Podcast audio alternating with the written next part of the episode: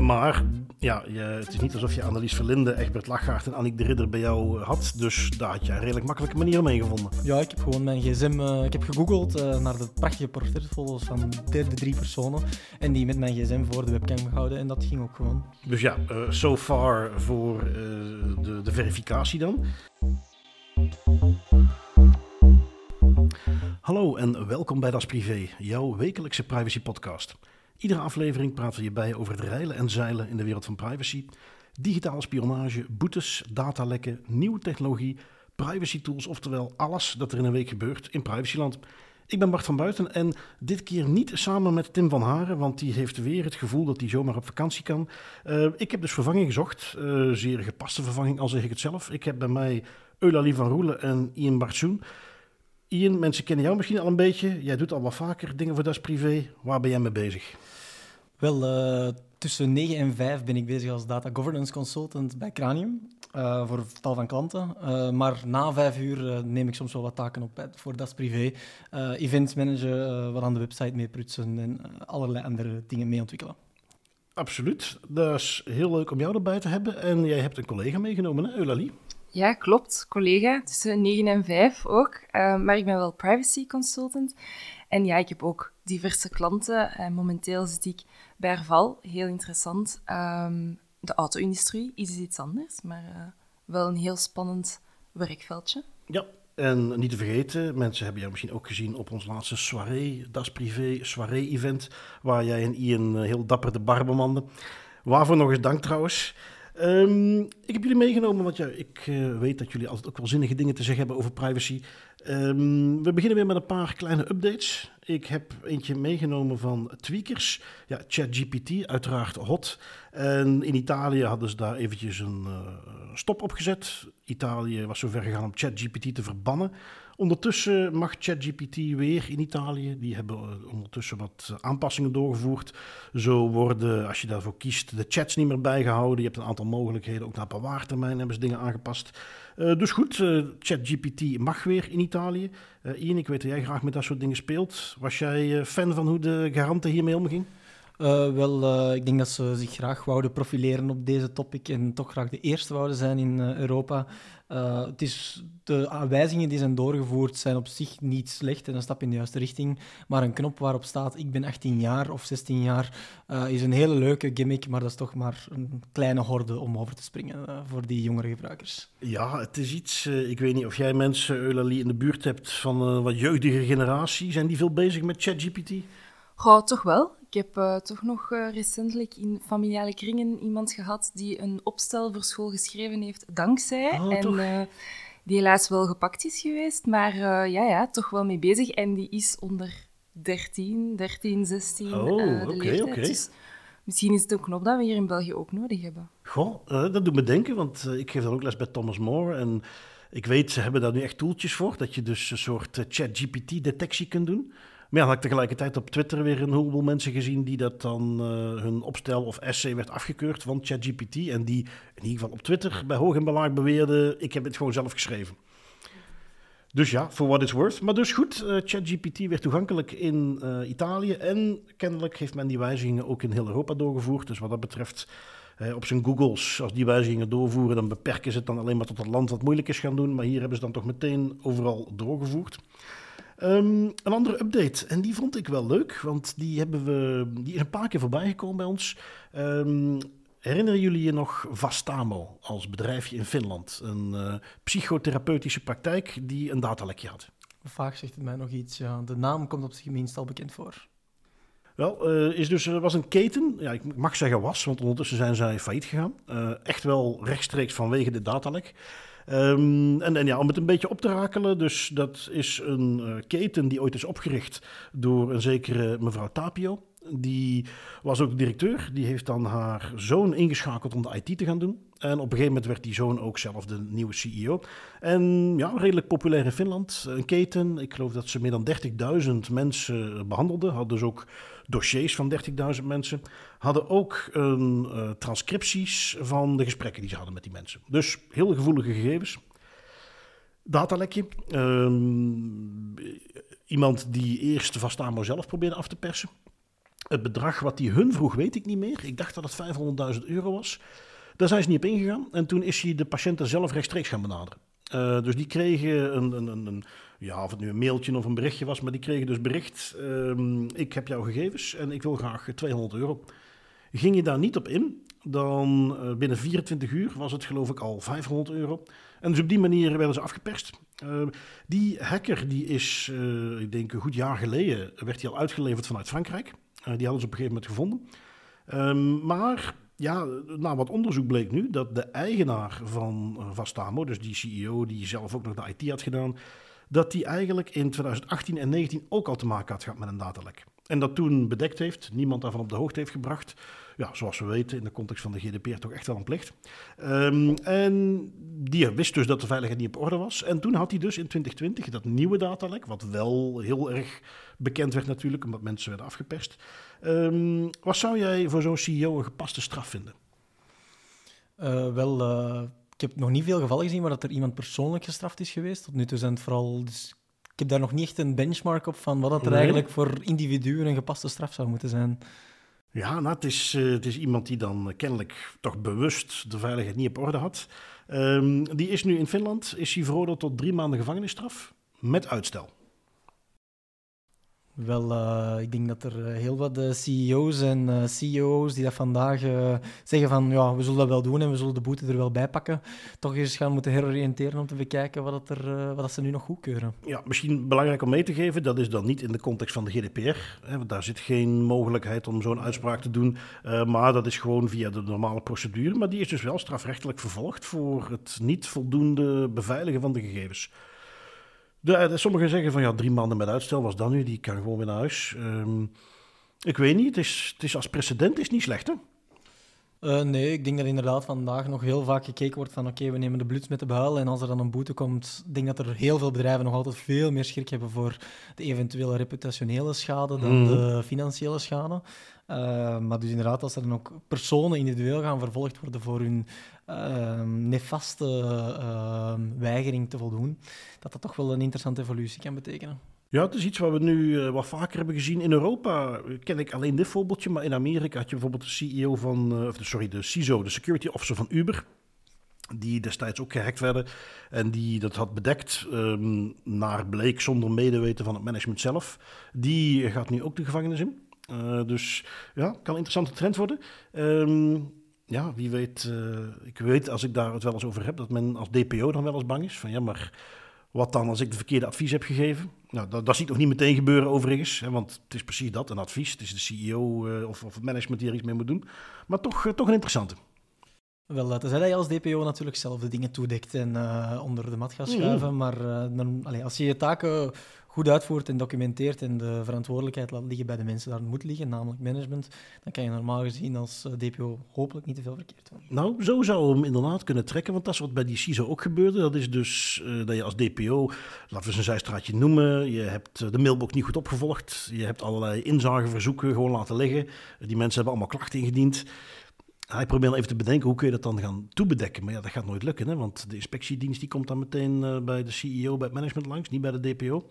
Wel, het enige dat wel zou kunnen zijn, is dat je inderdaad op voorhand tegen management had aangekaart van wij hebben meer volk nodig om alle verzoeken te kunnen verwerken. En als management dan zegt van ja, hoe belangrijk kan het zijn, ja, dan is het natuurlijk hun verantwoordelijkheid. Ja. Maar als je dat nooit hebt verteld, ja, dan is het je persoonlijk. Nee, nee, ik probeerde me even de situatie te bedenken waar je de DPO er dus de schuld van zou kunnen geven. Maar ja, dan moet het al een DPO zijn die bewust verkeerde adviezen zit te geven. Van, oh nee, dat hoeft niet beveiligd te zijn. En uh, ach, we hebben 45 dagen de tijd om te reageren op verzoeken. En, maar ja, dat moet toch al, uh, dat moet al heel bijzonder zijn. Dus dat zal niet, niet snel worden, denk ik.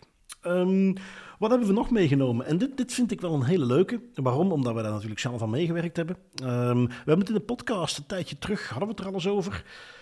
We hebben een Das Privé Community. Daar hebben we nu, denk ik, hè, dat is die online Matrix Community, een beetje zeg maar de chatomgeving. Um, daar zitten meer dan 100 mensen in die daar uh, lid van zijn. Ik denk dat misschien de helft daar ook regelmatig iets op zegt. In ieder geval, daar had zich op een gegeven moment een student gemeld. Uh, die gaf aan, ik heb camera's op mijn studentenkot zitten. Uh, in de keuken was dat, in de gangen. Um, doet me even denken, want om zelf nog eens een beetje oud te maken, mijn studententijd die ligt al even achter me. Bij jullie is dat iets minder ver. Hadden jullie camera's op het kot? Wel, ik zat zelf niet op kot, maar er hing wel een camera aan de ingang. Maar die was ook duidelijk afgebeeld. Er gingen de juiste pictogrammen. Dus daar allee, had ik nu niet al te... Mhm. maar er hing wel een camera, maar dat was ook geen kot met een gemeenschappelijke keuken of zo. Dus daar, Oké. eh, En jou, zien. De enige camera die we hadden was eh, om binnen te komen, dus aan de voordeur zelf. Maar Oh, ja. eh, binnen in het gebouw, bij mijn weten, toch nooit een camera geweest. Ja, nou, dat zou er nog bij moeten komen, dat de camera was die ook nog eens heimelijk was. Dat is niet wat ik eh, bij een rondvraag na de melding van die student... Ehm, ja, we hebben dan ook een soort bemiddeling gedaan. Hè. We hebben een gesprekje gehad met die kopbaas erbij. Daar had die student al opgezet. En eh, daar zijn we dan mee naartoe geweest vanuit Das Privé. Ehm, ja, daar is mij gewoon bijgebleven dat die kopbaas dat eigenlijk heel normaal vond. Ehm, ik vond dat heel opvallend, want mijn eerste reactie meteen... Wat, camera's in de, in, in de keuken, in de gemeenschappelijke ruimte? Dat kan toch niet? Is een rondvraag gaan doen. Eh, gaan mijn eigen studenten, Thomas More Hogeschool, is bevraagd. Ja, daar waren toch een aantal die inderdaad aangaven, we hebben camera's. Zelfs eentje die zei, ik heb eh, ja, meer dan tien camera's hangen er bij ons. En toen vroeg ik van, goh, zou eh, ik ben daar wel onderzoek naar aan het doen. Ik heb zelfs wat contacten met eh, iemand bij de VRT die daar misschien een reportage mee wil doen. Zie je dat zitten? Daar had dus niemand zin in. Nou, op één iemand na dus, eh, Zoe, die ook in de reportage zelf nu zat. Want dat is de, de outcome van dat onderzoek. Ik weet dat ik destijds, eh, ik had ook geloof ik op LinkedIn gezet. Ik zei, ja, eh, we doen nu gewoon onderzoek, maar dat zou nog wel eens een staartje kunnen krijgen. Wel, dat staartje is dit weekend is het op nieuws geweest. Eh, het zaterdagnieuws, de VRT had er ook een leuke post rond, een leuke reportage. Ehm, en ja, het komt er gewoon op neer dat eh, we wat voorbeeldjes hebben gevonden. We dus ook iemand hebben gevonden die bereid was om die camera's te laten zien. Die hadden er in hun kottels meer dan tien hangen. Ongelooflijk eigenlijk. En ja, wat mij zo opviel is dat er ehm, veel studenten waren die daar eigenlijk zo huiverachtig tegen waren om daar iets tegen te doen. Ehm, bang om hun kot te verliezen. Ik, ik vond dat opvallend. Is dat, is dat een, leeftijdsding? Of is dat meer dat ik gewoon qua type ook anders ben? Omdat ik, als ik daarover nadenk, ik zou daar meteen tegen gaan... In die tijd ook al tegenaan gaan schoppen, eh, probleem van maken. Ehm, wat denken jullie? Wel, ik moet nu wel sowieso zeggen, ehm, mijn zus zit zelf ook op kot in Gent. Daar is niet dezelfde cameraproblematiek aanwezig. Maar het is wel sowieso zo dat heel veel van die kotstudenten heel blij zijn met hun kot. En de kotmarkt is redelijk krap. Dus die zijn dan ook heel bang om daar iets over te klagen. En dus eventueel de kans te hebben dat ze hun kot niet mogen verlengen volgend jaar. Omdat ze toch maar zo die lastpost waren die dat ehm, eh, van naar de kotbaas zijn mening belachelijke dingen deed, eh, klaagde. Dat die daar dan inderdaad toch een spel van maakte. Dus eh, ik kan mij wel ergens inbeelden dat die studenten daar niet echt al te hard voor staan te springen om eh, daar aandacht aan te schenken. Nou, daar zeg je al iets wat ik dus niet meer wist. Dat wordt per jaar verlengd, een kot. Ja. En die kan dus eigenlijk, als, hij, als de kotbaas zegt ik heb daar genoeg van, kan die zonder opgaan van reden gewoon het contract niet verlengen. Klopt. Ah, oké, oké, dat, dat dat wist ik dus al niet. Ehm, Dus ehm, die kan bij wijze van spreken zeggen van Bart, ik heb aan u heel veel kosten gehad dit jaar, omdat jij zat te klagen over eh, belachelijke dingen. We zullen de prijs eens een eh, paar honderd euro verhogen, zodat eh, mijn advocatenkosten gecoverd zijn. Ja, of dat laatste kan, dat is dan nog een tweede. Maar dus goed, oké, dan, dan snap ik inderdaad al een stuk beter waarom een aantal studenten die zeggen, van, joh, eigenlijk vind ik dat eigenlijk wel een goed kot. En die mag dat zomaar niet verlengen volgend jaar, daar heb ik geen zin in. Oké, dat kan ik al een heel stuk beter plaatsen. Ehm, nou, Zoe was dus, had er geen moeite mee om daar eh, wat mee uit te pakken. Ik moet er ook bij zeggen, het is ook niet alsof, eh, want dat was ook helemaal de bedoeling niet, alsof die, dat kot zelf breed in beeld is gekomen en we daar eventjes zijn gaan zeggen van ga nooit in dit kot zitten of zo. Ehm, maar dus die, die, die gaf dat aan, die gaf ook wat voorbeeldjes hè, van... eh, ja, we hebben die camera's daar hangen. Ik ben wel eens ziek geweest. Ik zat toch nog op kot toen. Ik ben niet naar huis gegaan. En dan moest ik ja, dus wel eens naar de wc op korte termijn, zeg maar. En ja, dan- vroeg ik me af, word ik nu gefilmd wel of niet? Uh, S'nachts naar de wc moet in, een- in pyjama. Ehm, ja, wat mij gewoon opviel was dat ook als ik daar dan wat reacties van ging verzamelen, er ook mensen waren die zoiets hadden van, och ja, ik heb toch niks te verbergen. Zo'n makkelijke uitspraak, hè? ik heb toch niks te verbergen. Ehm, maar ja, ik denk in mijn tijd, ik klinkt oud terwijl ik helemaal niet zo oud ben, maar ik denk dat de schaarste toen op de quote iets minder was toch wel en dat er dan wel iets meer gerevolteerd werd. Zeker op een kamer ja, in een keuken of eh, in een gang of zo. Als je Mhm. stiekem bij een vriendje wilt binnenlopen of niet, als dat op camera staat, misschien niet zo fijn. Ik, ehm, ik heb eh, zelf ook eh, op een gegeven moment eh, in het kader van een studentenjob research gedaan naar camera's, omdat ik werkte bij de studentenorganisatie of de, de zelfstandige poot die dat studenten, ja, de, de, een soort van VZ2 was van Mhm. de stad Antwerpen. En die hadden ook een eigen website, Kotweb, waar dat eigenlijk Antwerpse koten konden opgezet worden en dan kregen die een label om te zien of dat die wel veilig waren enzovoort enzoverder. Ehm, en dat was een erkende, een erkende website. En daar hebben we op een gegeven moment ook een post op gemaakt over camera's naar kotbazen toe, van wat is nu de bedoeling. En daar hebben wij ook inderdaad toen die, die reflectie gemaakt van oké, je mag camera's gebruiken, maar stel ten eerste de vraag van voor wat is het nodig.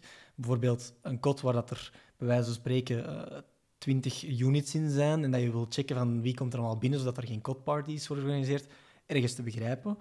Uh, maar allee, vanaf daar zijn er wel andere dingen. En het, was dan, het ging dan over de pictogrammen die nodig zijn en mm reflexen.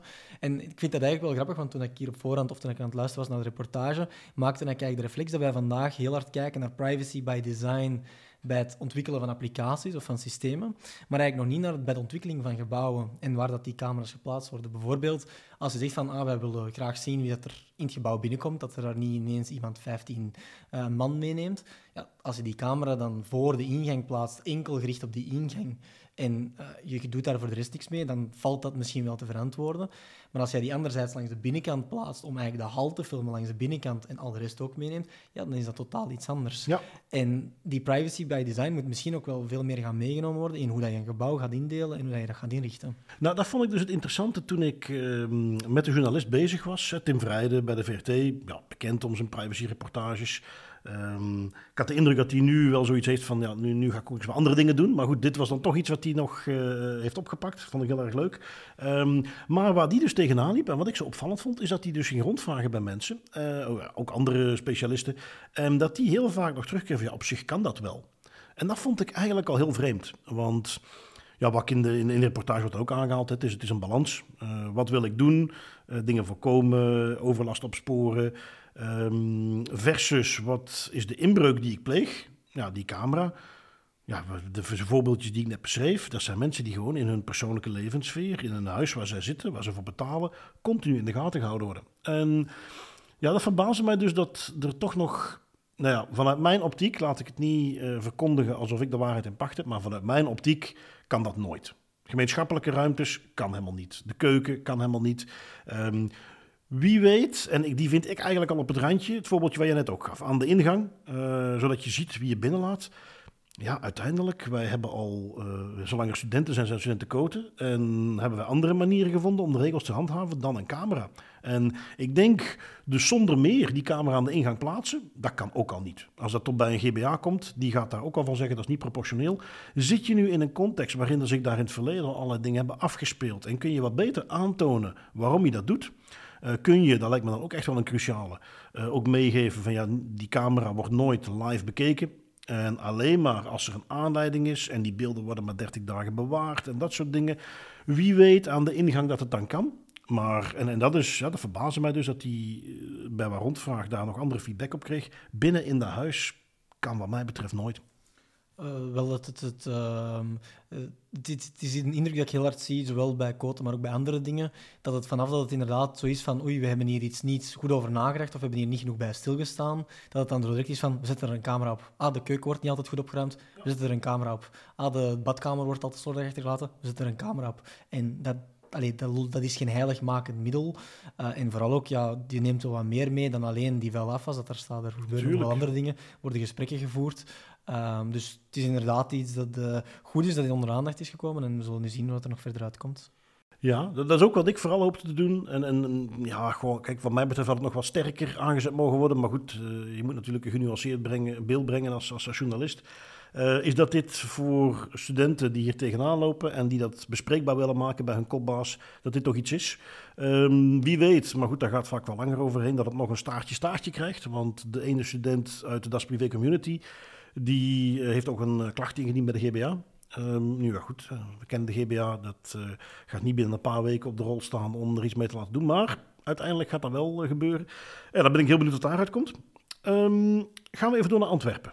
Um, ik moet zeggen, ja, de 10 miles van Antwerpen ken ik. Ooit in een ver verleden, toen ik nog in conditie was, heb ik daar zelfs aan meegedaan. En toen verbaasde mij ik er al over dat de deelnemerslijst of de uitslagenlijst, dat je daar al met je naam, je tijd, je nationaliteit werd vermeld. Daar heb ik me toen alles over beklaagd. Dat was 2014. Dus ja, je had toen niet veel. Hè. Ik heb dat dan een reactie op teruggekregen waarom zij vonden dat wel kan. En ja, het is niet alsof je bij de toenmalige privacycommissie een klacht kon indienen, want dat hele principe bestond niet. Um, maar goed, daar, daar kende ik ze al van. Maar uh, Ian, jij kwam met iets aanzetten wat ik toch meteen een hele stap verder vond. Vertel er eens. Wel, ik had het eigenlijk opgemerkt via een tweet van uh, Niels Staes, die dat eigenlijk verwonderd was over het feit dat zijn vrouw die deelgenomen had, dat die op basis van een selfie te uploaden eigenlijk alle foto's van de fotograaf al langs het parcours kon ophalen. Uh, dus ik heb dan even uh, wat rondvraag gedaan en ik heb dan de link teruggevonden op de website inderdaad ook, uh, waar dat je dus op een platform van een Duits bedrijf, partner van Golazo, um, eigenlijk alles foto's kan terugvinden door een selfie met de webcam te uploaden. Um, Oké, dat is partij. Maar die selfie die je uploadt met de webcam, dat kan ook gewoon een foto zijn die dat je met je gsm voor de webcam houdt. En dat werkt eigenlijk, um, ik zou toch zeker zeggen voor de mensen hier aan tafel, Um, eng goed. Uh, dat is uh, absurd hoe goed dat het werkt, want ik heb het uh, uitgeprobeerd met drie bekende personen die ik heb zien passeren langs het parcours. Minister Verlinde, partijvoorzitter Egbert Lachhaart en Schepenhaven Annick de Ridder. En die hebben respectievelijk 117, 125 en 127 foto's die binnen de seconde klaarstaan. En het is zelfs vaak zo dat je op de foto inderdaad eerst moet gaan zoeken van die staat hier helemaal niet op, maar dan zie je zo een half gezicht achter een andere loper verschijnen en dan zo, ah oké, staat hier inderdaad toch wel op. Maar ze hadden dan uh, een soort van poging om ervoor te zorgen dat je niet zomaar iedereen's foto uh, kon laten zien, want je moest dan, als je het wilde gaan doen, zelf een, een selfie nemen, hè? Ja, uh, je moest inderdaad zelf een selfie tonen of uh, laten, een selfie nemen inderdaad mm met de webcam en dan nog toestaan of uh, aangeven dat jij de persoon bent die dat, dat mm -hmm. ingeeft. Uh, met een vinkje. En dat is het inderdaad qua verificatie. Maar ja, je, het is niet alsof je Annelies Verlinde, Egbert Lachgaard en Annick de Ridder bij jou had. Dus daar had je een redelijk makkelijke manier mee gevonden. Ja, ik heb gewoon mijn gsm... Uh, ik heb gegoogeld uh, naar de prachtige portretfoto's van de, de, drie personen. En die met mijn gsm voor de webcam gehouden. En dat ging ook gewoon. Dus ja, so far voor de, de verificatie dan. Um, Stel nu dat uh, men dat zou willen doen op de manier die volgens de wet voorzien is. Hoe, hoe zou men dat aan moeten pakken? Dat is een heel goede vraag. Uh, wel, uh, de, de, allez, we, we, gaan ervan uit, aangezien dat ze geven ook aan dat, ehm, dat wanneer dat je een foto trekt, eh, voordat je het moet uploaden, ehm, zeggen ze van I consent that the uploaded selfie with, will be matched with our database of the corresponding event, and the consent can be revoked anytime with effect for the future by notifying. Ja, maar dat, dat is dan op de website zelf, als je het gaat gebruiken, die tool. Ja. Um, maar uh, ja, toen we het er van tevoren al even over hadden, gaf je ook aan van ja, je uploadt die selfie en je hebt meteen resultaat. Dus dan weten we allemaal, dat is niet ter plekke, als jij upload doet, is die gezichtsherkenning uitgevoerd? Nee, dat is, dat is van tevoren al lang geïndexeerd. Dus die hebben kennelijk, ik denk dan van alle aangesloten fotografen, hebben zij uh, een berg foto's gekregen. Uh, op de een of andere manier zullen ze dus wel geregeld hebben met iedereen die daar mag fotograferen, dat die foto's via Sportograf, zoals dan het bedrijfje heet, ja. dat de 10 miles daarvoor uh, heeft gemandateerd, dat gaat doen. Um, en dus dan, dat betekent dat kan niet anders dan dat, als al die foto's daar zijn geüpload, dat er dus al een soort gezichtsherkenning op heeft plaatsgevonden. Uh, ja, van de 37.500 deelnemers uh, zal er waarschijnlijk ergens uh, in een of andere cloud bestaan van hun gezicht. Ja, dus, dus goed, ik ben dan aan, want toen hij het gezegd had, ben ik op, op Twitter Niels Stas ook even gecontacteerd. Um, of Stas moet ik zeggen. En dan is gevraagd, van, op wat manier heb je daar een toestemming voor gegeven? En dat blijkt hem dus gewoon ergens in de kleine lettertjes bij het inschrijven, bij een FAQ staat het er wel bij. Nu, om even een heel klein beetje GDPR-technisch te gaan. Het gaat om biometrie, gezichtsherkenning. Dus dat zijn bijzondere gegevens, niet zomaar de gewone gegevens. Met andere woorden, als je daar iets mee mag doen als organisatie, dan moet je al een hele bijzondere uitzondering hebben. Uh, ik zal de hele lijst even daar laten, maar de enige die hier relevant kan zijn, is uh, uh, expliciete toestemming. Dat kan niks anders zijn. Dus dat betekent dat eigenlijk op het moment dat je je inschreef, je al toestemming had moeten geven. Nou, dat betekent natuurlijk ook, als men toestemming vraagt, dat je nee moet kunnen zeggen. Dus dat men op de een of andere manier er dan voor zou moeten zorgen dat al die foto's niet, ja, dat, men dan andere mensen wel het gezicht gaat herkennen, maar degene hadden gezegd, ik wil het niet, die gaan ze dan niet herkennen. Ja, hoe ze dat dan moeten gaan doen op een andere manier dan die mensen vragen, mogen wij een selfie? En dan gaan we alsnog gezichtsherkenning erop toepassen, maar dan om jou uit te sluiten van de gezichtsherkenning, ja, dat lijkt me al een hele moeilijke. Dus ik denk dat men effectief het op een manier had moeten doen. En uh, ja, jij, gaf daar straks iets aan, uh, Ian, waarvan je zei, zo hadden ze het eventueel kunnen doen. Wel, uh, ik zie twee opties. Ofwel, om, ziet dat je toch die toestemming moet vragen, kan je eigenlijk op voorhand al zeggen van, geef ons een selfie. Bart, is het goed dat wij jouw gezicht herkennen? Geef ons dan nu de selfie en dan geven wij jou na het event sturen wij jou een mailtje met van Bart, we hebben Ja. voor jou alle foto's verzameld. En dan heb je die toestemming zeer expliciet, want niet, allee, je gaat- niet zomaar een selfie uploaden. Mhm. En het alternatief is dat je inderdaad gaat zeggen van eh, oké Bart, eh, wij hebben alle foto's en wij hebben een model om voor jou alle foto's ook te verzamelen. Upload nu een selfie en dan eh, starten wij ons model op en dan krijg jij van ons een mailtje wanneer dat alles verzameld is geweest. En dan kan je die daar gewoon downloaden. Dat is tenminste nog een manier om het dan correct te doen. Ehm, ja, ik moet zeggen, ik vind dit wel een, een hele mooie. eh, dat is dan gewoon via een tweetje. Dat, die tweet van Niels is niet heel breed opgepikt, denk ik. Als ik nog eens even ga kijken. Ik had hem hier openstaan. Er waren dan 55 mensen. Eh, want uiteindelijk, we hebben het hier wel over 37.000 mensen die tegen hun zin in, of nou ja, wie weet voor sommigen wel, maar in ieder geval zonder toestemming, even door een gezichtsherkenningsalgoritme zijn gehaald. Eh, die nu dan van een of andere organisatie, Sportograf, maar ja, wie weet waar het nog heen is. Wel, eh, de organisatie is van oorsprong vooral een fotograaforganisatie, dus ik eh, durf een wilde gok te wagen om te zeggen dat ze waarschijnlijk niet het model zelf ontwikkeld hebben en gebruiken en dat ze waarschijnlijk wel een of andere grotere andere partij daarvoor gebruiken. Hoe dat de setup is, eh, gaan we zeker nog opvragen, omdat we wel benieuwd zijn hoe dat ze het gedaan hebben. Maar los daarvan, ook langs de kant van eh, Golazo, ehm, zij nemen de foto's vanuit het legitieme belang. En voor de eerste keer dat ik het zie, maar je kan maar bezwaar uitoefenen in de eerste zes weken na het evenement. Ik wist niet dat daar een deadline Ja. op stond. Het is eh, interessant, want ehm, ja, ik kan natuurlijk al proberen om eh Golazo en Sportograf vanuit Das Privé een bericht te sturen, maar ik heb niet de indruk dat ze daar dan eh, heel snel op gaan reageren.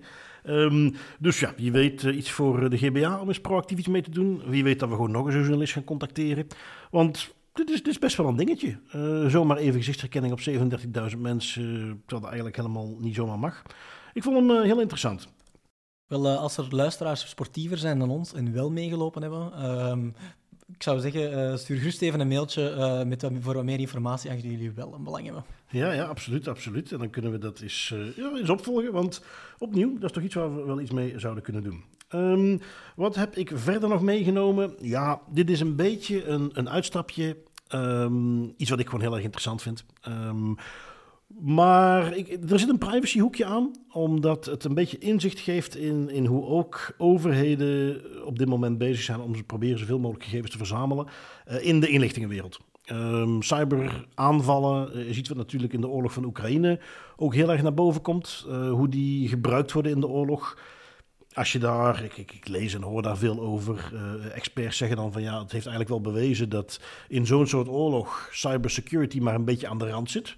Want ze doen daar wel dingen mee, ze schakelen soms wel dingen uit. Maar eigenlijk, op een gegeven moment leert de tegenstander dat. Die kan zich daar goed tegen verdedigen. En binnen een uur is alles weer up and running. En je ziet dat ze dan toch voornamelijk weer gewoon met de klassieke raketaanvallen beginnen om dingen plat te leggen. Want dat werkt tenminste definitief. Eh, Of toch iets definitiever. Nu goed, dat terzijde, dus echt in die oorlogscontext. Maar het is ook iets wat ik in mijn, eh, mijn opleidingen, ook bij de hogeschool, altijd wel meegeef. Voor de mensen die daar wat minder in thuis zijn. Ja, dit is echt wel iets waar overheden non-stop, continu, met gigantische teams mee bezig zijn. Ehm, om, om zoveel mogelijk inlichtingen te verzamelen. En bijvoorbeeld de Chinezen zijn daar ontzettend bedreven in. Die doen niet liever dan op zoveel mogelijk plekken persoonsgegevens verzamelen. Ehm, denk aan bedrijven zoals ASML, waar ze dan in kaart proberen te krijgen wie zit op welke positie. eh, daar gegevens van proberen te verzamelen. Eh, dan moet je echt denken aan, ja, het klinkt soms een beetje filmisch, maar dat is nu helemaal hoe ze het aanpakken. Ehm, waar kunnen we misschien bij bijvoorbeeld een gokbedrijf achterhalen dat iemand die daar zit schulden heeft, zodat die misschien vatbaar is voor wat financiële incentive om wat geheimen van ASML. Want ja, ik noem die bekende eh, maker van chipmachines in heel de wereld. Als ze chips maken, dat is zo'n beetje met, eh, ja, ik denk niet dat ze een monopolie hebben, maar dat is met ASML-technologie. Dus daar zit men echt op jacht. Ehm, ik zag een heel interessante statistiek voorbij komen, waarbij eh, iemand van de FBI, de Bureau Director, die gaf dus aan, de Chinese hackers, die hebben 50 keer meer hackers dan dat wij die hebben bij de FBI. Dat vond ik heel opvallend. Eh, ja, eh, het stelt me niet echt gerust, maar eh, ja, het zal waarschijnlijk wel de realiteit zijn vandaag ergens, dat, dat het voor hen gemakkelijker is om veel geld in te investeren dan voor de FBI. Ja, nou goed, daar gaat in ieder geval ook inderdaad een hoop geld in om. Want hij vroeg meteen 63 miljoen extra om 192 extra mensen aan te kunnen nemen. Ehm, ja, het doet me altijd een beetje denken, want je hoort daar bij ons redelijk weinig van. Staatsveiligheid is dan de organisatie in België die daarmee bezig zou moeten zijn. Daar hoor ik heel weinig dat die echt een, een hackafdeling hebben. Ik weet de Nederlandse AIVD, die gaat daar aanzienlijk verder mee. Die staan er ook onbekend. Die doen mee met internationale operaties. Uh, als je daar wel eens nieuws van voorbij ziet komen dat er ergens een, weer een, een ransomware-markt is leeggegooid of een, um, ja, van die online marktplaatsen waar je dan drugs kunt kopen is platgegooid. Nou, dat is dan vaak met samenwerking met de AIVD. Wat dat betreft België heb ik daar nog niet in voorbij zien komen. Maar het is toch iets met, met ja, ook wat allemaal wetgeving die voorbij komt, waar ik het heel opvallend vond. Dit is toch iets, dat, dat wordt wel een ding uh, de komende jaren, dat er steeds meer gaat gebeuren. En waar wij natuurlijk vanuit de privacykant, ja, een van de dingen waar we moeten toezien, is het beveiligen van die persoonsgegevens. Dit is een voorbeeldje waarbij goed de doorsnee KMO Misschien dat die zich daar nog niet druk om moeten maken als je echt uh, 20 mensen personeel hebt. Maar vanaf een bepaald niveau, ook als je een KMO'tje bent, maar die wel een app aanbiedt waar 50, 60 of 100.000 mensen gebruik van maken. Ja, is dit ineens iets waar je naar moet gaan, uh, moet gaan kijken? En opvallend, hè, want opnieuw, we denken aan Amerika, zeker in onze privacy context. Als het over privacy gaat, weten we dat die daar toch al anders naar kijken. Toegang hebben tot heel veel data. Maar dus de Chinezen hebben dan nog eens een 50 tot 1 verhouding vergelijking met de Amerikanen. Ik vond het opvallend. Even zien, wat hebben we nog meegenomen? Um, in Amsterdam heb je natuurlijk een DPO. Uh, eh, Eulalie, als jij DPO bent ergens en je moet advies geven, wat is dan iets waarvan. Uh, wat is redelijk belangrijk als je als DPO een advies moet geven? Hoe moet je als positie in de organisatie staan als je een advies geeft? Goh, goede vraag. Ik denk dat er heel veel zaken zijn waar je mee moet rekening houden. Maar ik denk de basisprincipes is meestal een heel goede start. Mhm. Ehm, om te kijken van, zijn de basisprincipes al gecoverd en zorgen we ervoor dat we niet in de problemen komen. En dan kan je natuurlijk verder gaan um, en gaan kijken. Je moet natuurlijk vrij zijn om een goed advies te geven, denk ik. Je moet niet onder druk gezet kunnen worden. Uiteraard, uh, uw neutraliteit in uh, de positie is, is heel belangrijk en het mooie evenwicht vinden en altijd ter bescherming staan van uh, onze data subjects natuurlijk. Ja, en, het is precies die onafhankelijkheid waar ze dus in Amsterdam uh, kennelijk tegenaan liepen. Um, Misschien een klein beetje uh, wat meer in de GDPR-detail, maar de DPO, ja, jij gaf het al aan, Ali, die moet onafhankelijk zijn, die moet op die manier fatsoenlijk advies kunnen formuleren. Dus dat is echt een, een, cruciaal punt van de DPO. En waar de ombudsman in Amsterdam kennelijk tegenaan liep, is dat de DPO die is vertrokken, is dan vervangen met een, uh, ja, iemand die als privacy officer werkte. Uh, en uh, ik, ik, vond het ook opvallend, omdat dat dus tot bij de ombudspersoon komt, die daar dan vervolgens iets mee gaat doen. Die geeft aan, en dat wordt ook gepubliceerd op, op zijn website, ja, daar, daar, zit een serieus belangenconflict. Want, of, of, in ieder geval niet, zo, niet noodzakelijk een belangenconflict, maar je kunt in de situatie zitten dat je als privacy officer, wat in tegenstelling tot de DPO iemand is die veel meer mee moet werken binnen de organisatie. Uh, die mee moet denken, hoe kunnen we dit gaan doen? Iets wat voor een DPO niet altijd evident is, want je moet ook controleren. Je moet ook toezicht houden op wat er gebeurt met gegevens. En uh, ja, wat die ombudspersoon dus nu aan de bel trekt, en opnieuw ook zeker voor wat voor zaken je meestal bij de ombudspersoon ziet, vond ik deze opvallend. Die trekt dus nu aan de bel om te zeggen van ja, kijk, de privacy officer die gaat in een positie komen dat hij zichzelf gaat controleren. En dat, uh, ja, dat is een risico. En daar treedt hij uh, tegenop, publiceert daar breed over. En ja, daar moet de gemeente Amsterdam nu iets mee gaan doen. Um, ik weet niet, Ian, is dat iets waar uh, jij in de organisaties waar jij hebt rondgelopen, waar men privacy bezig is, uh, zie je dat ze daar op die manier mee bezig zijn? Is, het is natuurlijk, de functie van DPO is een relatief nieuw verhaal. Dus zoveel overgangen zijn er ook nog niet geweest. de meeste zijn nog altijd de eerste DPO's sinds dat dat is opgestart of sinds dat die geïntroduceerd is. Ik denk op zich dat het wel moet kunnen. Uh, het gaat er vooral over inderdaad hoe wordt die overgang geregeld. Uh, hoe is dat ook ingericht? Want de inrichting van een DPO-organisatie is bij iedereen anders. Bij een van mijn klanten is dat in drie lijnen, waarbij je inderdaad de operationele privacy hebt in de eerste lijn, en dan de DPO in de volgende lijn, en dan nog een derde lijn vanuit het uh, legal team. Mhm. Maar dat hangt heel hard af van hoe dat je het ingeregeld hebt. En als dat inderdaad ook is dat die DPO een harde lijn kan trekken van oké, nu stoppen mijn operationele taak en vanaf nu ben ik puur controlerende functie. Uiteindelijk is die nog altijd verantwoordelijk voor zijn rapportering. En als hij zijn rapportering goed doet, kan dat normaal gezien geen probleem zijn. Als hij natuurlijk uh, ondertussen nog altijd zijn eigen uh, impact assessments gaat afwerken om die dan daarna zelf te evalueren, ja, dan zitten we wel met een ander verhaal. Maar op zich is het ook een heel logisch, als je DPO vertrekt en je wil iemand intern uit de organisatie halen, ja, dan zijn er niet zoveel plekken waar je naar kan kijken. Nee, nee, klopt. Het, het, is iets wat, uh, want ik heb hem eigenlijk bij de meeste organisaties waar ik rondgelopen heb of advies heb gegeven, nou, dat er een DPO is, is vaak al best oké. dat, is, dat, dat is al een zekere maturiteit. Um, dat men dan vervolgens ook nog privacy officers heeft, die op een andere manier in de organisatie dan ondersteunen, is al heel bijzonder.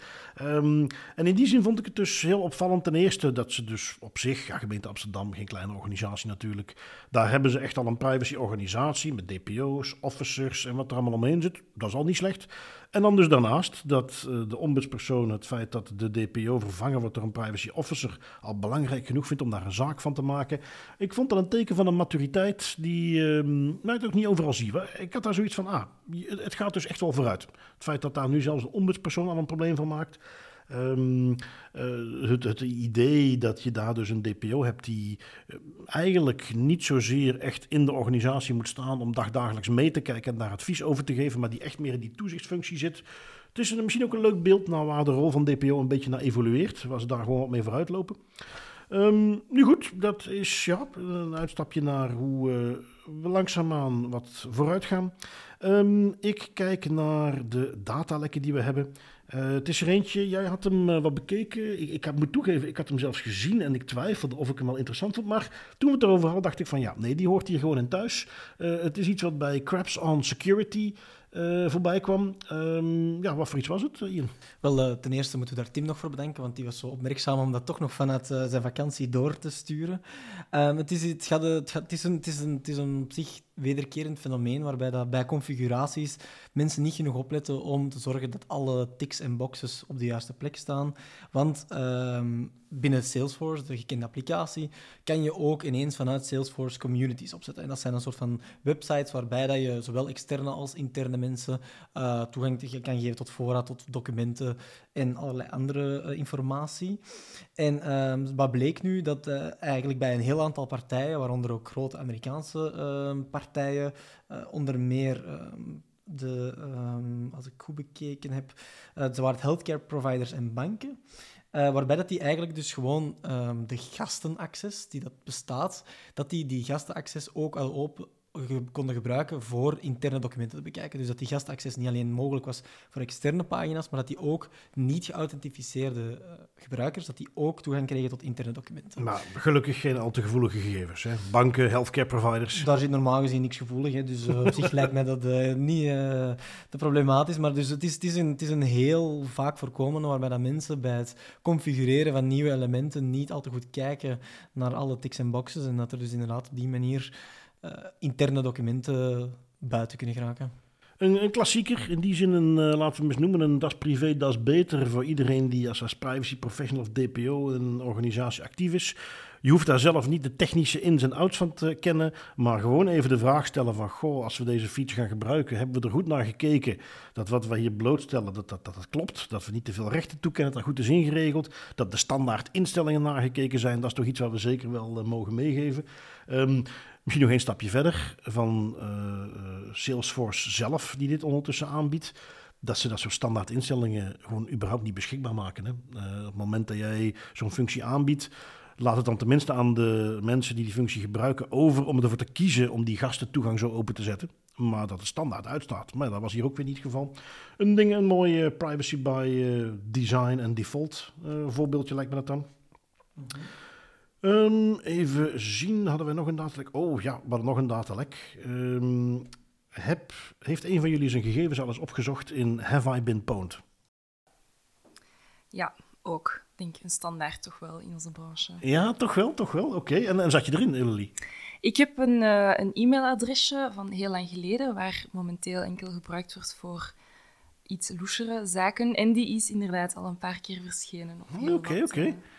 En bij jou een uh, misschien iets minder uh, loesje adres of uh, gewoon weer zo'n spamadresje? Ik heb een, een standaard adres dat ik, mijn eerste e-mailadres nog. Mm. en dat gebruikte ik toen om op spelen.nl en allerlei andere websites mij oh, in te kunnen loggen. Ja. En dat was een flagrante fout. Maar ik hou dat voorlopig wel bij, omdat ik het gewoon heel leuk vind om te weten waar dat fishers vandaag mee afkomen. Dus dat is eigenlijk mijn beroepsmisvormingsadres dat specifiek dient voor Ja, ja, nou goed.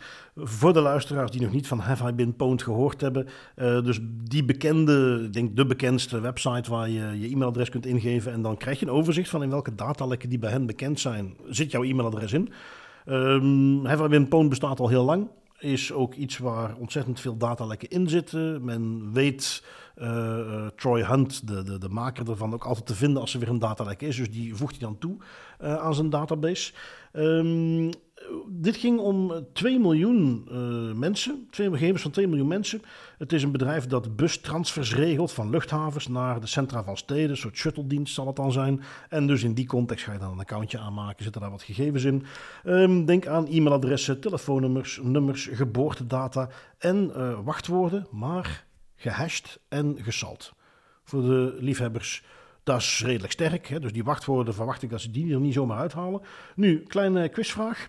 Um, van die 2 miljoen accounts, die komen dan bij Have I Been Pwned aan. Uh, Troy Hunt gaat dan kijken, oké, okay, hoeveel van die accounts zitten al in Have I Been Pwned? Zitten al in de database, hebben al in een andere datalek gezeten. Eulalie, wat denk jij, hoeveel procent van die 2 miljoen zat er al in?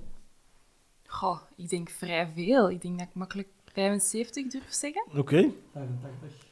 85, nou ja, Ian, dan zit je er heel erg dichtbij. 84% zat al in die database. Ja, dat geeft maar aan waar we ondertussen zitten. Hè? Gewoon, uh, ja, ik had nooit van TerraVision gehoord. Maar goed, ja, ze hebben 2 miljoen gegevens. Dus zeker geen uh, kleine organisatie. Uh, maar dus inderdaad, 84% zat er al in. Zelfs als je dan in gedachten houdt dat dat spam-accountjes zijn. Ja, dit is toch iets, zo'n shuttle-dienst. Het is toch iets waar je effectief een account hebt aangemaakt. Het is niet een of ander forumpje of nieuwsbrief. 84% zat er al in. Ik vond dat toch heel opvallend. Maar dat is ook wel iets dat qua maturiteit bij mijn klanten zie vandaag de dag. In het kader van datalekken kijken wij niet meer alleen van wat kunnen mensen doen op basis van de data die dat bij ons eventueel zou gelekt zijn. Mm-hmm. Maar vooral ook als je weet wat er voor de rest allemaal anders al gelekt is, als we dat gaan samenvoegen met de, uh, de databases die je heel gemakkelijk online gewoon ergens kan kopen. Mm-hmm welke waarde heeft dat dan? En we gaan niet meer alleen kijken naar hetgeen wat er bij ons eventueel buiten uh, de organisatie belandt, maar vooral ook gaan kijken naar van hoe kunnen we dat gaan aanvullen met data die dat we online al ter beschikking hebben. Alleen, als we dan toch even in de mindset zitten van de, uh, van de mensen met iets minder goede bedoelingen, en hoe kunnen we dat samen gaan gebruiken en welke waarde heeft dat dan? En dat is inderdaad wel iets dat we als organisatie meer en meer moeten gaan doen. Niet alleen kijken naar ons eigen ecosysteem, maar ook gaan kijken naar van wat is er vandaag al te vinden. En als we dan zien dat 85% van het huidige datalek al ergens te vinden heeft met andere informatie, ja, dan begin je toch al een mooi profiel te krijgen van mensen. Ja, misschien dat we onderhand het punt gaan komen dat ze gaan zeggen van kijk, heb je een datalek met e-mailadressen en dat is het. Hoef je niet eens om te gaan melden bij de autoriteit, want dat is toch al wel ergens bekend. Uh, ik, het mij, wat was het nu? ik weet niet meer wat het was, maar het was een paar maanden geleden zo'nzelfde soort datalek bij Heaven Toen was het nog 72 procent, en dus nu al 84 ja, we gaan hard op weg naar 100. Hè. Wel, uh, als je weet dat wij bij de research voor dit verhaal uh, al moeten zoeken naar datalekken waar er nog eens iets innoverend in voorkomt of waar er nog eens iets speciaals in voorkomt, dan is dat toch wel illustratief voor uh, hoeveel datalekken dat er vandaag de dag... Ja, goed. Wat, wat ze altijd zeggen, je hebt twee soorten bedrijven. Bedrijven die al een datalek gehad hebben en degene die nog niet weten dat ze een datalek gehad hebben. Dat is de, de klassieker een beetje. Um, goed, dat brengt ons meteen bij de autoriteiten. Heb je een datalek gehad, dan krijgt het misschien een staartje. Daar zijn ze voor. Um, de eerste die ik heb meegenomen, ik heb er deze keer, ja, toch een drietal. Um, lekker verspreid. De eerste is uit Zweden. Heeft uh, een organisatie, um, ja, ik moet niet zeggen, niet, niet, alleen organisatie, maar weer een overheidsorganisatie. Dat is iets waar ja, gewoon op gevoel, als ik even denk, waar we de Zweedse autoriteiten, of de, de, de, laat zeggen, de, de Nordics, hè, Noorwegen, Zweden, et cetera, dat zijn heel vaak overheidsinstellingen. Dat lijkt wel een soort focus van hun te zijn. In ieder geval, die eh, hebben een boete van 17.600 euro uitgedeeld. Ja, jullie geven allebei wel eens advies als het gaat om uh, privacyzaken. Er komt iemand in een organisatie bij jullie die zegt: Ik wil graag een berg gegevens op een USB-stick gaan zetten. Was dan een van de eerste dingen die jij gaat zeggen? Nee. Ik zou exact hetzelfde zeggen: nee. Oké, oké, maar het moet. Het kan niet anders. Het moet op een USB-stick. Geen andere manier om het te doen. Wat nu? Uh, liever de data toch te encrypteren en die data, die stick ook nog zo goed uh, en kwaad mogelijk te beveiligen. Uh, ja, nou ja, dat, dat eerste is dan inderdaad encrypteren. Dat is toch een beetje de klassieker.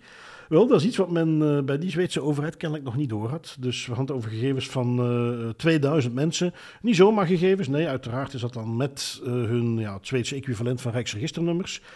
Kleine kanttekening dat dat overigens iets is wat in, Zwed in, in Zweden veel bekender is. Hier is dat toch echt een, een, een iets wat ehm, ja, ten eerste, ja, je houdt het eigenlijk gewoon geheim. Op heel veel plekken, er is ook wetgeving rond.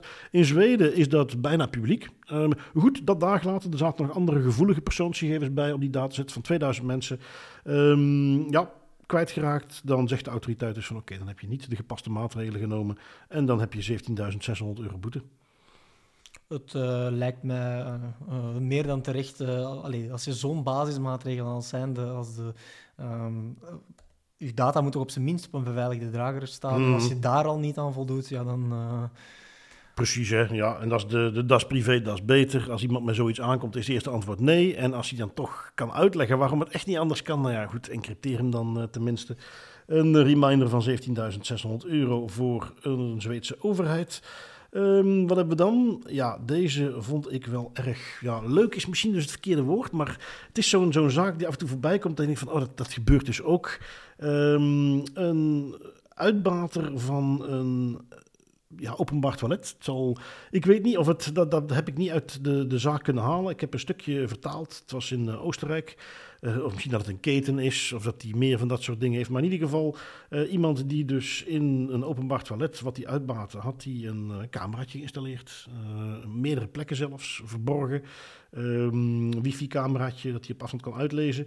Um, iets waar, als ik dan de zaak wat doorlas, waar die, werd het dan heel expliciet gezegd van ja, dat was op die en die dag was ze maar 8 uur en 9 uur opgenomen. Snapte dat eerst niet. Ik ben er verder gaan lezen. Uh, blijkt dat dat te maken had met hoe lang de batterij het volhield van dat cameraatje. En dan moest je weer terug naar het toilet, moest je de camera weer gaan vervangen. En dus daarom dat er zulke specifieke tijden waren. Um, probeerde nog een, een GDPR-trucje uit te halen. Zei van ja, uh, maar die beelden die ik neem, die zijn voor persoonlijk gebruik. Dus ja, dan is de GDPR niet van toepassing. Want ja, dat is een huishoudelijke uitzondering. Vreemd genoeg ging de autoriteit daar niet in mee. Ja, niet vreemd uiteraard, huishoudelijke uitzondering geldt als ik een kinderfeestje heb of foto's maak van mijn gezin. Op het moment dat ik daar mensen die volledig buiten die huishoudelijke context zitten ga filmen, kom ik daar ook niet mee weg. Dus uh, ja, heeft uiteindelijk uh, toch een, een, serieuze boete gekregen, 27.500 euro. Is het iets waar je wel eens naar kijkt als je een openbaar toilet gebruikt? Van zou hier camera's zitten? Wel, mijn eerste reflex was vooral toen je aan het zeggen was dat eigenaar in kwestie zij persoonlijk gebruikt, dat maakte het voor mij eigenlijk alleen maar erger.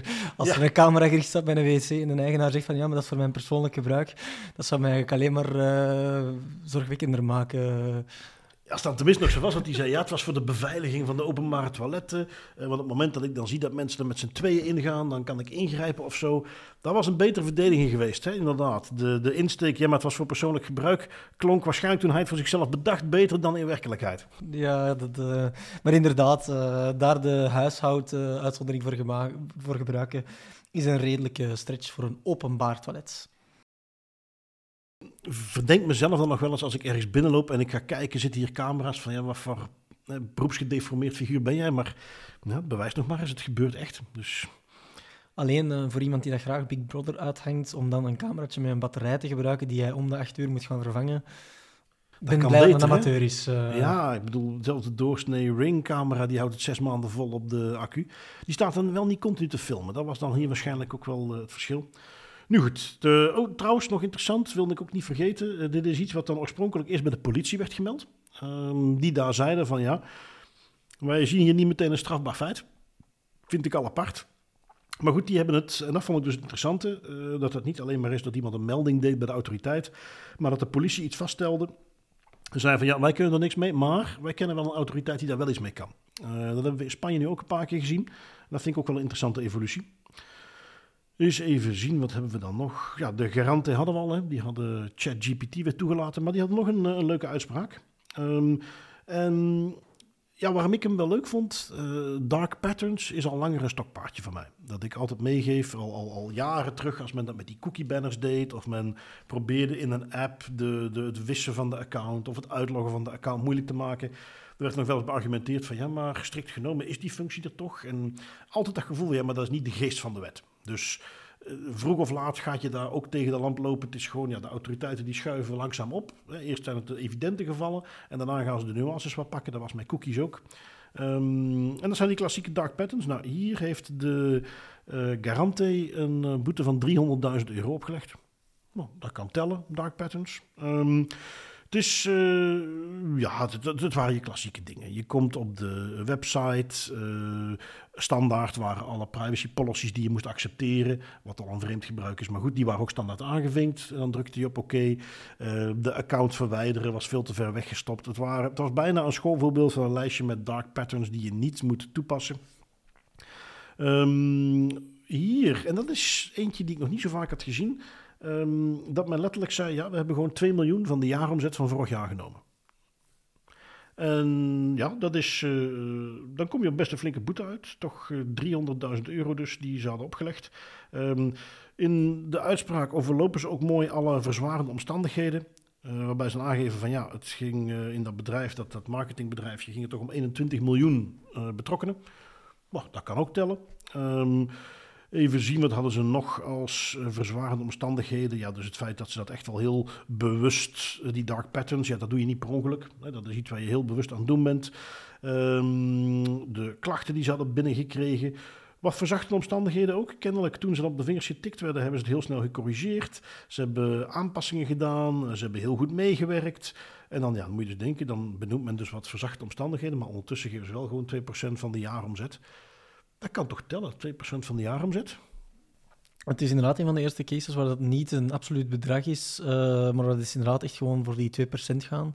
Um, toch zeker voor zo'n klein marketingbedrijfje dat niet uh, de grote big tech, big tech, is, zijn dat toch wel uh, dingen die waarschijnlijk uit iemands bonus gaan verdwijnen. Ja, ja, inderdaad, dat denk ik ook. Dat denk ik ook. Nu, ze zullen dan toch ergens wel een beetje afgerond hebben, want het moet wel heel toevallig zijn dat 2% net exact 300.000 euro is. Uh, maar goed, dat gezegd zijnde, ze hebben het toch maar gedaan.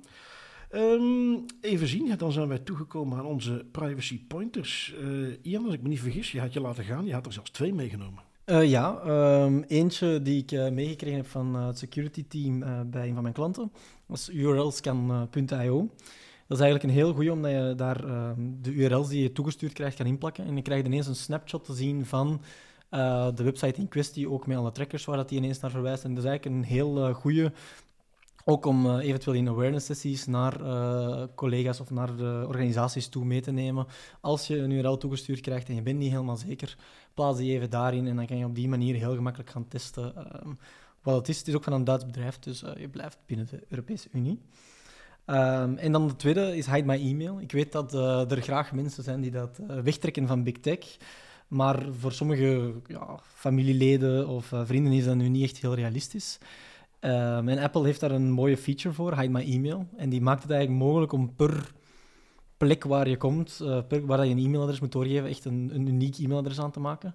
Die dat op geen enkele manier naar je naam verwijst. En op die manier kan je dus, hetgeen dat je er straks, over hadden, waar dat iedereen al eens in een data breach heeft gezeten, kan je echt uniek naar bepaalde uh, organisaties gaan verwijzen. En als ik dus morgen een mailtje krijg van bol.com, dan weet ik dat dat van die, met dat e-mailadres is. En als ik dan morgen op datzelfde e-mailadres van een andere organisatie een mailtje krijg, dan weet ik wie dat, dat uh, e-mailadres heeft doorgespeeld. Ja. Nee, heel netjes. Um, en als je dan toch bijvoorbeeld Apple moet gebruiken, nou ja, dan maar met dit soort features. Hè. Eudalie, wat heb jij meegenomen? Uh, een luistertip misschien. Ah. Schaamteloos even reclame gaan maken. Maar uh, Cranium, waarvan ik de host ben, heeft ook nu een nieuwe podcast. Uh, totaal geen concurrentie met deze, maar eerder een aanvulling, mm -hmm. heb ik het gevoel. en ons eerste seizoen gaan we gewoon in gesprek met verschillende departementen en gaan we eens kijken hoe dat zij omgaan met privacy, wat dat de linken zijn, bijvoorbeeld met marketing of management. En het is heel low-key. Ik denk een mooie start voor hopelijk een nog mooiere toekomst. Ja, eh, en een, leuke blik van wat gebeurt er binnen een organisatie. De verschillende afdelingen zijn hiermee bezig. Absoluut een aanrader. Uh, ja, er kunnen wat mij betreft niet genoeg Nederlandstalige privacy podcasts zijn. Um, wat heb ik meegenomen? Ja, dat is eigenlijk heel erg goedkoop, maar ik bedacht me dat ik, ik wist niet zeker of ik het alles in de podcast had gezegd. Ehm Prifcon 2023, we hadden vorig jaar natuurlijk 2022 editie, wat mij betreft, en toch iedereen die erover sprak, een zeer geslaagde editie. En we gaan dat, ja, sowieso was de bedoeling dat ieder jaar te gaan doen, maar de datum ligt ook vast. 4 oktober 2023 hebben wij dus de eh, nieuwe editie van Prifcon op dezelfde locatie, het provinciehuis. Eén deze dagen slash weken, maar toch ruim op voorhand gaan we ook de registraties openzetten. Uh, maar dus bij deze al een soort uh, save the date, 4 oktober, voor de liefhebbers. Zeker vrijhouden, want dan is er dus Prifcon 2023. Goed, dat uh, was onze aflevering voor deze week. Eulalie, Jan, ik wil jullie hartelijk bedanken om er tijd voor vrij te maken. Luisteraars ook, ik hoop dat het de moeite was. En tot volgende week. Tot de volgende. Tot de volgende. Thank you.